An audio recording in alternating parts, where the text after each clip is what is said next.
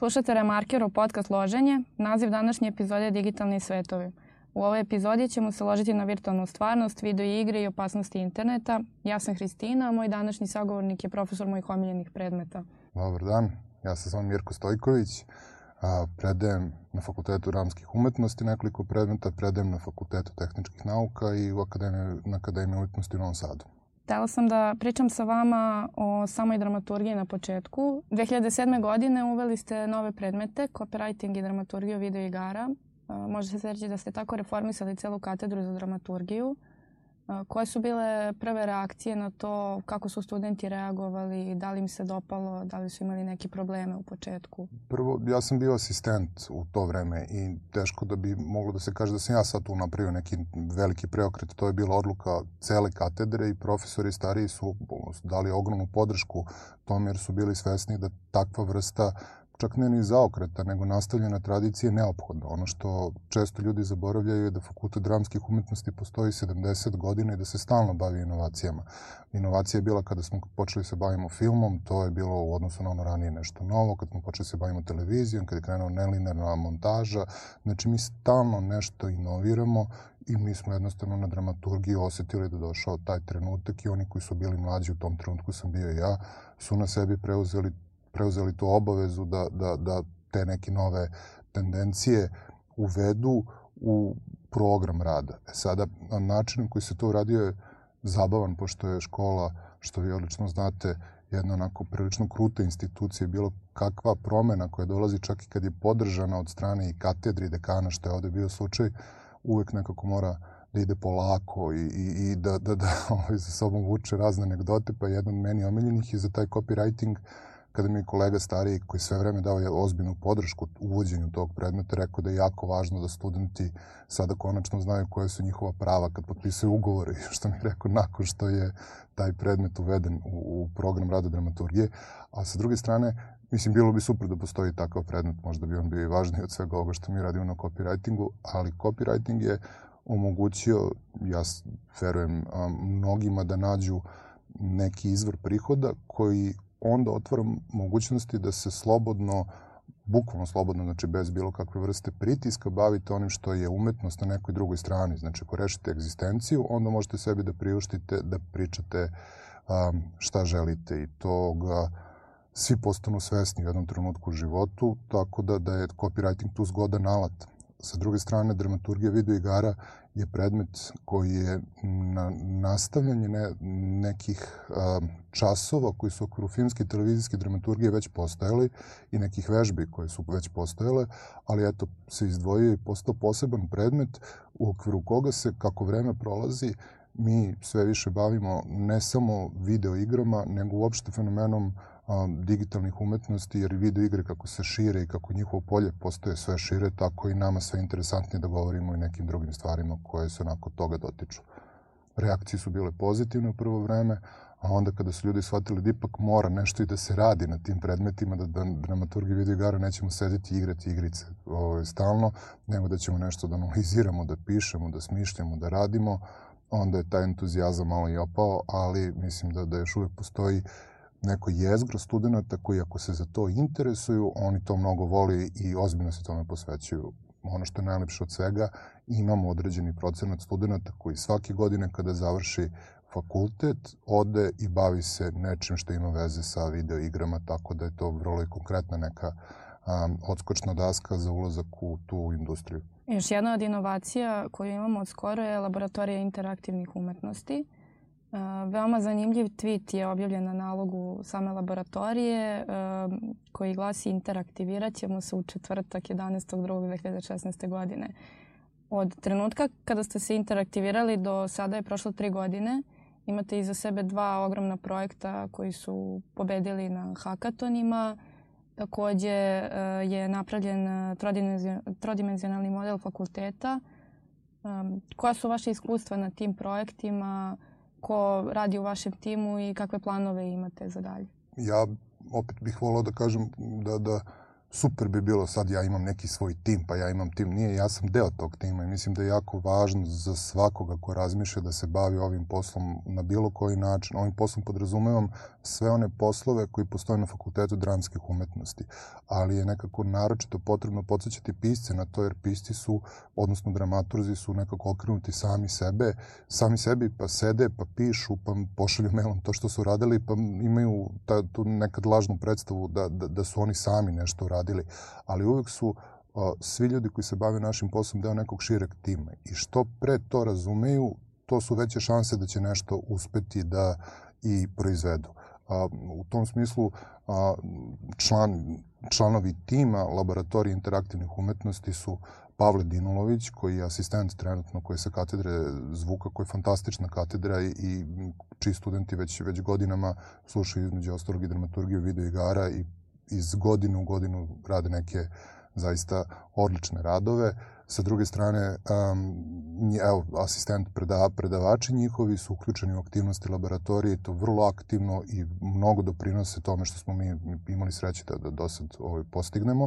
Um, drugi član tog tima je uh, kolega a, Branko Sujić, koji je profesor virtualne stvarnosti, znači predmet će krenuti onog trenutka kada dobijemo akreditaciju za neki novi master koji pokrećemo, ali istovremeno jedan od prvih ljudi a, koji je doktorirao a, na virtualnoj stvarnosti u Srbiji. I on je zapravo prvi uradio doktorski umetnički rad u virtualnoj stvarnosti i slobodno mogu da kažem da je jedan od naših najvećih stručnjaka u toj oblasti koji rame uz rame stoji sa ljudima koji se time bave u inostranstvu, što smo mogli da proverimo na tih nekoliko međunarodnih takmičenja u kojima smo učestvovali. Treći deo tima sam ja i to je tako funkcionisalo već ne, godinu i nešto dana, skoro dve godine. Skoro nam se pridružila i koleginica Jovana Karaulić, a plan je pošto insistiramo na tome da je to projekat fakultetski, to je znači zajednički projekat, da uključimo sve katedre fakulteta i sve što radimo ide u pravcu nabavljanja nove i nove opreme koje će omogućiti da se angažuju i kolege sa drugih katedri. Bavite se virtualnom realnošću i to je veoma zanimljivo i za nas, za našu zemlju, jer nema mnogo ljudi koji se time bave. Naprimer, Branko Sujić je tu izložbu koju ste pomenuli. Stvarno je bila ogromna inovacija u odnosu na stvari koje smo mogli da vidimo po muzejima.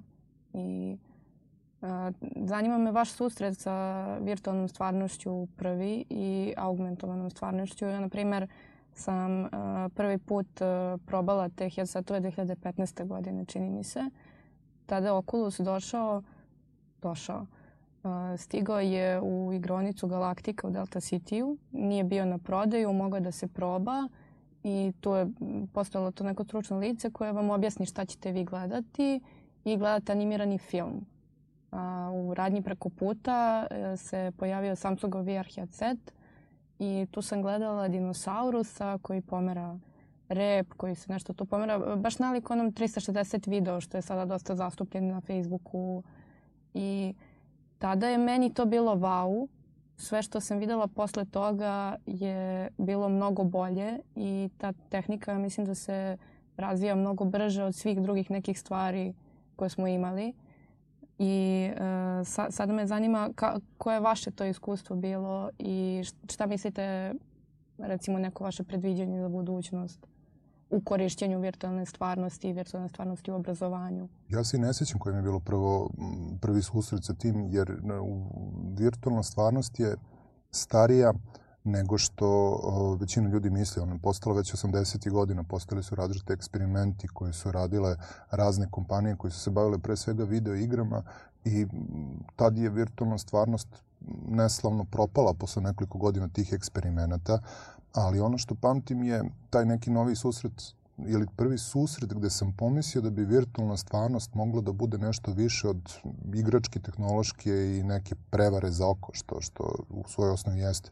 A, a to je kada sam, Branko je baš doneo um, headset kod mene kući, kada kaže moram nešto ti pokažem i onda sam gledao jedan kratak film u 360, 360 video u virtualnoj stvarnosti našao sam se na krovu neke zgrade u Njurku, neka muzika je išla, neka, ja sam stajao, neka devojka igrala oko mene i, i to sve delovalo potpuno običnom kao izlazak sa bilo kak, sa neke žurke, kao sklonili smo se iz gužve i stali tamo na, na, na krov i onda ona je sve vreme prilazila kao da će da me poljubi, pa se pomeri malo nazad i fantastična muzika bila i sve super i ono što je meni bilo najvažnije u tih nekoliko minuta um, koliko je to trajalo, je zapravo bio taj neki osjećaj da sam se ja u trenutku teleportovao u tu situaciju, da sam je prepoznao na jednom nivou na kome ranije nisam mislio da, da može da se pristupi tehnolog, da tehnologija omogućava.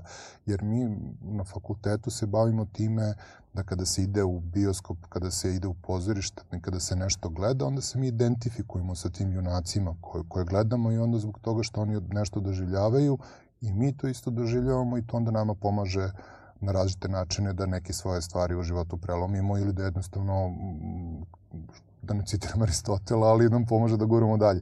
E, ono što je um, ovde bilo meni neobično, što um, ta vrsta identifikacije nije bila rezultat priče, nije bila rezultat napora grupnog više autora, nego je bilo rezultat toga šta tehnologija omogućava. Znači, to je, samo sam bio znači, teleportovan u, u, u potpunu identifikaciju sa nekim I to me vrlo potreslo, jer prvi utisak je bio da mi neće više biti, da mi nećemo biti više potrebni.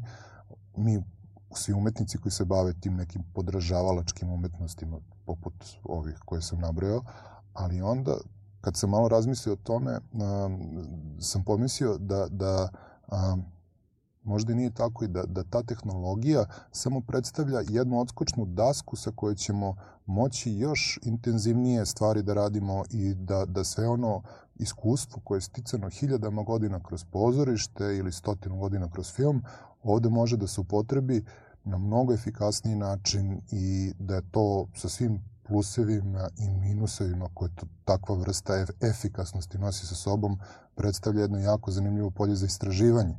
I zato je, pošto to nepoznata teritorija, zato jeste bila ideja da se napravi laboratorija, zato, zato sam nekako i želao da, da to od početka bude jasno da su to eksperimenti, da su to pokušaji, da, da mi idemo po nekom raku. I meni je jako zabavna ta pozicija, zato što s jedne strane omogućava to neko slobodno istraživanje, sa druge strane je uzbudljivo. Zaista ne znamo šta će biti. Ništa od tih projekata koje mi započinjemo, ne znamo kak, kakvi će biti na kraju, možemo da očekujemo i da se nadamo, ali neki procenat se i ostvari toga, ali uvek se desi još nešto više što nas onda odvede ka nekom drugom projektu.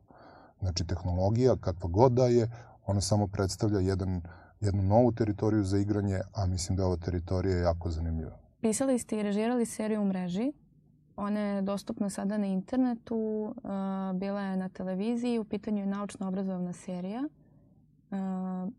Moja generacija još nekako imala veze sa tim početcima interneta, taj neki potisnuti zvuk daj lapa u glavi, ali uh, novije generacije baš nemaju tu neku svest o tome šta je tačno internet i šta predstavlja, pošto je nekako njima to po rođenju dato.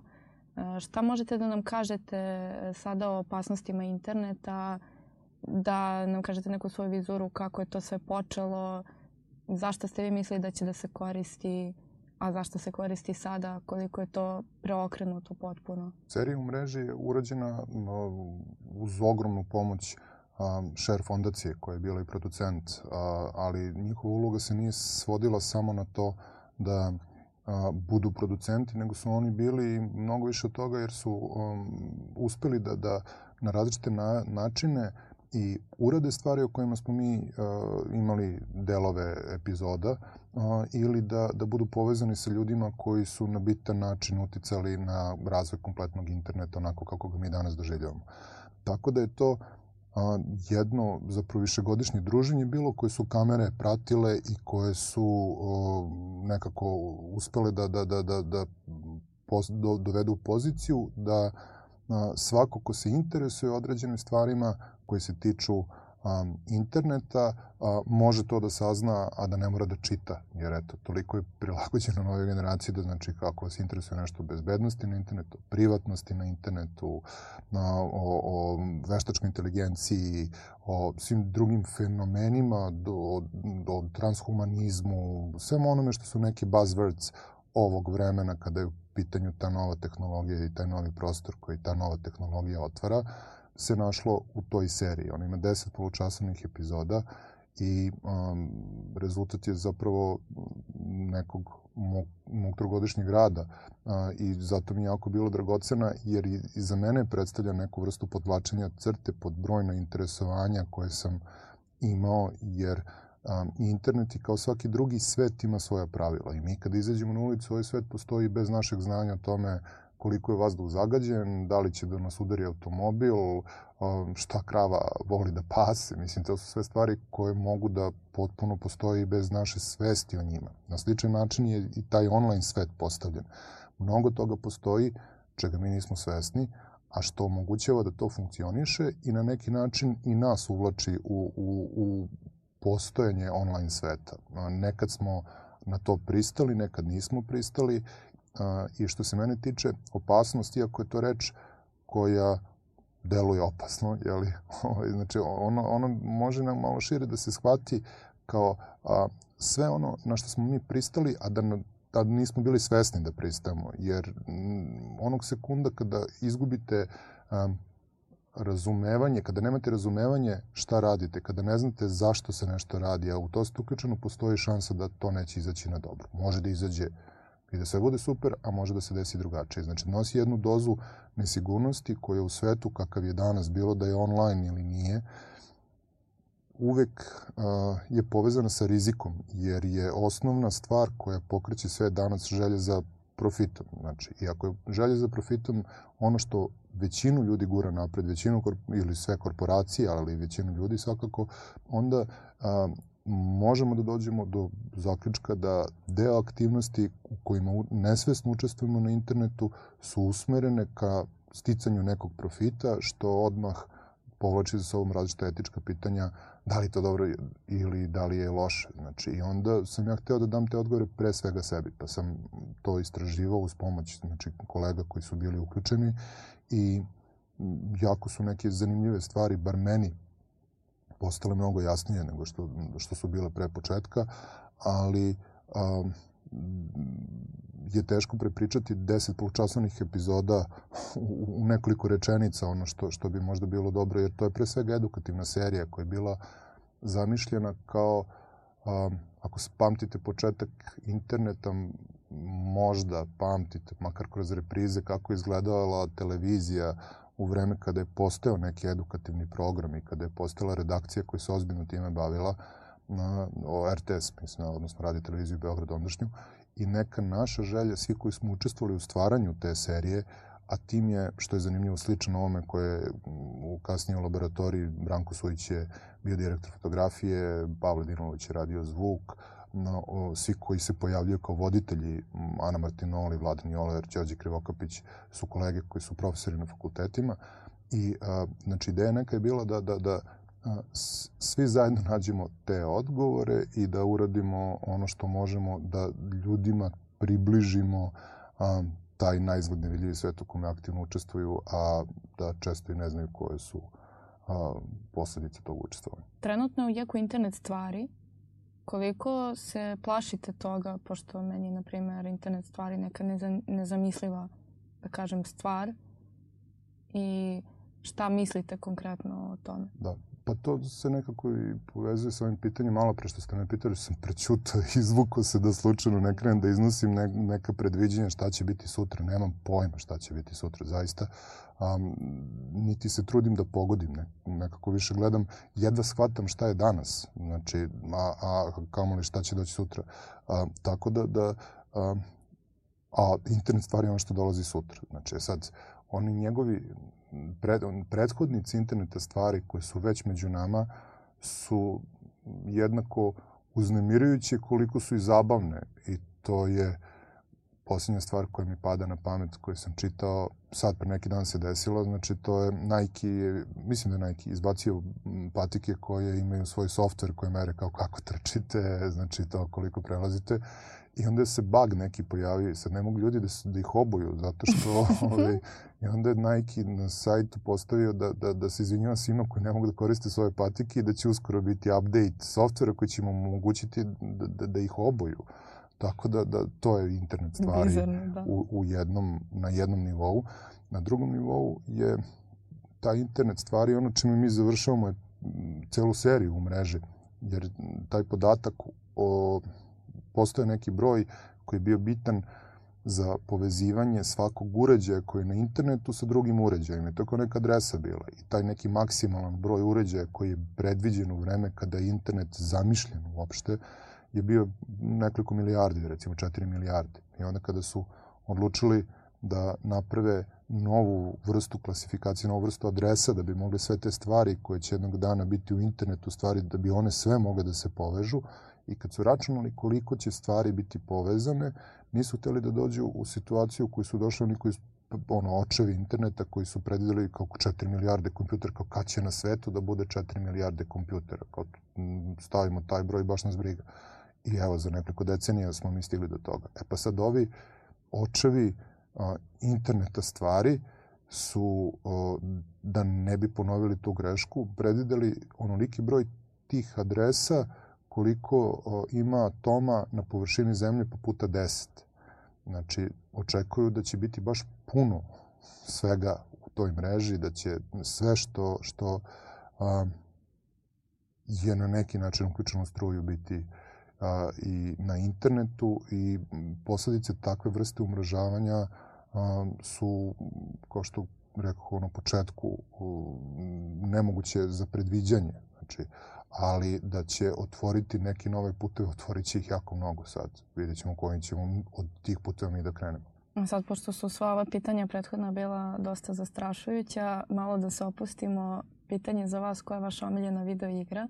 I zašto? Ovo je jedna jako zastrašujuća video igra Dark Souls. znači, ceo serijal Dark Souls, sve što radi Miyazaki, od, od Demon Soulsa pa do Bloodborne ili do Dark Souls 3.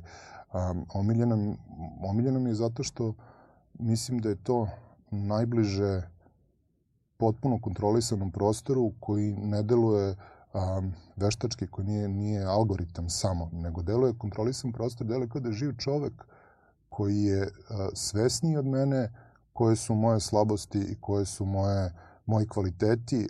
On napravio teren za igranje gde mogu do, do krajnosti obe te stvari da ispoljim i, i kvalitete koji su neophodni da bi se savladali teški bosovi i, i um, one mane koje rezultiraju ogromnim brojem umiranja i kretanjem iz početka. Tako da, da, da razlika između o, tog tipa igre a, i, i neke druge upravo u tom, u tom ljudskom faktoru. Jer postoji očigledno neka super, superiornost autora, ali ta superiornost autora nije stavljena u službu njegovog jega, nego u, u svrhu moje zabave. Tako da, da je to nešto na čemu sam ja jako zahvalan a, njemu pre svega, ali, ali generalno i svima koji su omogućili da se video igre razviju do tog nivoa da na taj način možemo da uživamo u njima. Grafika je uznapredovala, računari su sve brži i jači. Sada je scenarista postao neophodan za kreiranje dobre video igre.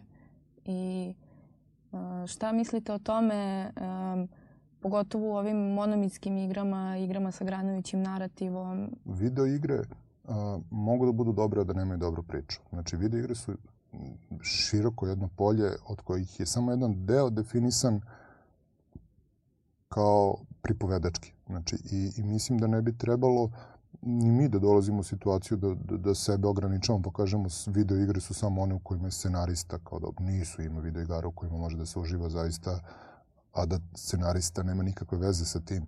Ali, um, budući da sam ja po svoje, svom obrazovanju dramaturg, odnosno scenarista, normalno je da, su, da, da mi takav tip igara u jednom većem procentu drag i bilo da je u pitanju Last of Us ili, ili GTA 5 ili, ili bilo šta drugo što je, kako, kako rekao ste, bazirano na monomitu, a monomit je otkriće um, Campbellovo koje kaže da postoji određeni broj tačaka a, kroz koje svaka priča tog tipa prolazi. Znači, i on, te tačke postoje u Harry Potteru, i Ratovima zvezda, postoje u GTA 5, postoje u Skyrimu, postoje u Last of Us i one su nešto što ih ne primećujemo, ali to je jedna od stvari kojima se učim baš na dramaturgiji, kojima, kojima posvećujemo dužnu pažnju, jer one predstavljaju neku vrstu armature za svaku a, priču, za svaki film, za svaku knjigu, za svaki a, pozorišnu predstavu koja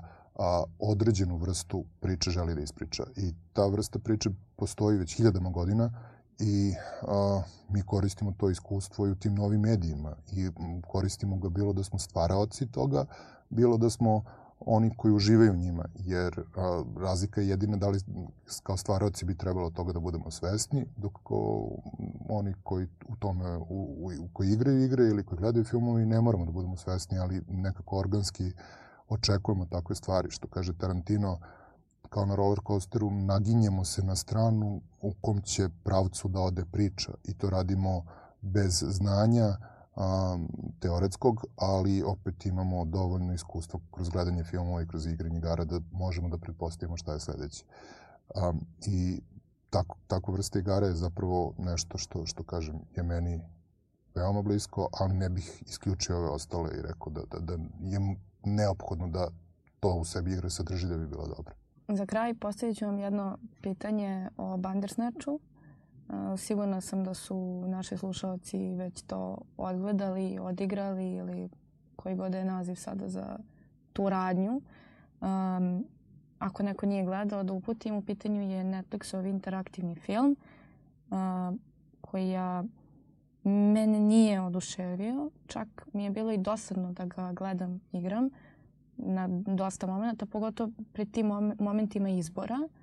Ali ono što mi je bilo zanimljivo uh, je ceo taj algoritam koji je nakon uh, nakon samog izbacivanja filma i u tom prvom danu i drugom kada su ljudi masovno to igrali je da je Netflix skupljao data, skupljao je podatke i u odnosu na te neke izbore igrača će se desiti nešto. Sada postoje predviđanja da će oni da, da celu svoju neku uh, žanrovsku strukturu novih serija i filmova baziraju na tom, na, na tim podacima koje su prikupili. Postoji druga neka teorija da će oni tako plasirati određene proizvode u filmovima, serijama da nekako prođu nezapaženo, a da se ipak urežu u glavu gledaoca. Um, izbori koji su bili navedeni kao najbolji i najprirodniji su obično bili oni najgori ekscesni izbori, kao u slučaju kino automata gde su ljudi birali da udare poštara, da naprave krivično delo. I mene zanima kako ste vi uh, odigrali Bandersnatch, koji vam je bio utisak, da li smatrate da je regres u odnosu na video igre, s obzirom da video igre koje imaju izbora su, po mom mišljenju, na primjer, Witcher, mnogo bolja stvar od Bandersnatcha. Interaktivni filmovi nisu nikakva novost. Znači, oni postoje već 50-60 godina. Vi ste spomenuli taj kino automat Radoša Činčere, to, to, to je prvi interaktivni film zvanično koji je napravljen. A, onda razni su se drugi pojavljivali od tada i uvek je to bio neki ćorsok u kojoj industrija kretala u pokušaju da iskoristi nekada nove tehnologije poput laserskog diska koji je omogućavao da se ide nelinearno kroz materijal koji na njemu stoji, što znači niste mogli da pravite interaktivni film dok su bile VHS kasete pa da premotavate kao kad nešto izaberete, nego je ovo bilo trenutni prelazak na, na stvar koju ste izabrali, ali uvijek je to m, delovalo veštački, jer to je neki bastardni oblik koji nije ni film, a nije ni video igra. I onda za igrače ne daje dovoljno slobode, a um, za ljubitelje filma um, nakon što taj prvi utisak te kao novotarija pa mi je zabavno pa nešto utičem na, na razvoj on im kvari u, utisak donekle. Sad, mene nimalo ne sumnjam nimalo me ne čudi da, da Netflix skuplja podatke o tome šta su ljudi birali, kako su birali. Taj big data je nešto što je na određen način i duh vremena i skupljanje podataka o svemu i donošenje odluka na osnovu tih podataka nas i vodi ka tom nekom carstvu algoritama koji će upravljati našim životima, koji već i upravljaju. Algoritam je semafor koji pali crveno i zeleno i mi se zaustavljamo i krećemo zato što ne neki algoritam rekao da u tom trenutku mi krenemo, a u tom trenutku stanemo i to je već upravljanje našim telima, a, a mislima mm, je kroz reklame gde opet se koriste te big data već dugi niz godina. A, jedan od razloga zašto je industrija video igara tako napredovala je zato što su skupljali te podatke stalno i mogli da, da preveravaju šta i kako se radi. Ja sam radio neku video igru za američkog producenta i onda smo u nekom trenutku beta testiranja dobijali a, recimo podatak, bilo je 500 beta testera, svi kursori istovremeno kako se kreću. I vi kad, kad ste u poziciji da vidite sve kursore svih igrača u određenom trenutku, ka čemu idu i kako idu, mnogo vam je lakše da u, nakon tog beta testiranja planirate i uradite nešto što će biti bliže onome šta ljudi očekuju. Međutim, kao i sa svim ostalim stvarima i tu postoji problem jer umetnost ne bi trebalo da bude povlađivanje ukusu masa, jer mi imamo primjer u Srbiji kako to izgleda, šta je danas stvar koja je rezultat onoga što, kad mase dobijaju ono što žele. Mislim, ako mase dobijaju ono što žele, sve će biti neki reality ili, ili nešto nalik tome. Tako da ne mislim da je Netflixov pravac da, da će biti takav. Oni ljudi to razumeju na jednom mnogo višem nivou nego što razumeju ovi lokalni vlasnici televizije koji su rezultirali ovim njihovim proizvodima koje sam već spomenuo. Znači, ali svakako će pomoći da se određene navike, određene tendencije um, prepoznaju i da se iskoriste. E sad, ponovo, i tu postoji i dobra i loša strana. A, da li su algoritmi nešto što a, može da upravlja nama do određene mere ili što, u čemu možemo da se prepustimo, da uživamo, a, ili treba insistirati samo na nekoj vrsti improvizacije skoro i, i, i neki neuhvatljivog ljudskog duha koji će stvarati nešto novo. Mislim, to je razlika kao da li slušate Tool ili Primus. Mislim, možete jedno i drugo, vi da uživate u jednom i drugom. Algoritmi su Toolu, ljudski duh i u Primusu, pa mislim, zajedno su bili na turneji, zašto ne bi Netflix napravio onda i kombinaciju tog, tih svih podataka koje je izvukao od ljudi i onoga što je neka vrsta uh, a, autorskog pečeta, konkretno Charlie Brookera, i napravila nešto novo i, i, i interesantno ob jednoj i drugoj kategoriji i gledalaca i autora. Hvala vam i za taj uvid u vaš muzički ukus. To nam dosta znači, pretpostavljam i nekim slušalcima. Hvala vam mnogo što ste bili danas u podcastu Loženje. Mi ćemo se ponovo ložiti u subotu u 12 časova. Ja sam Hristina Mitić. Hvala.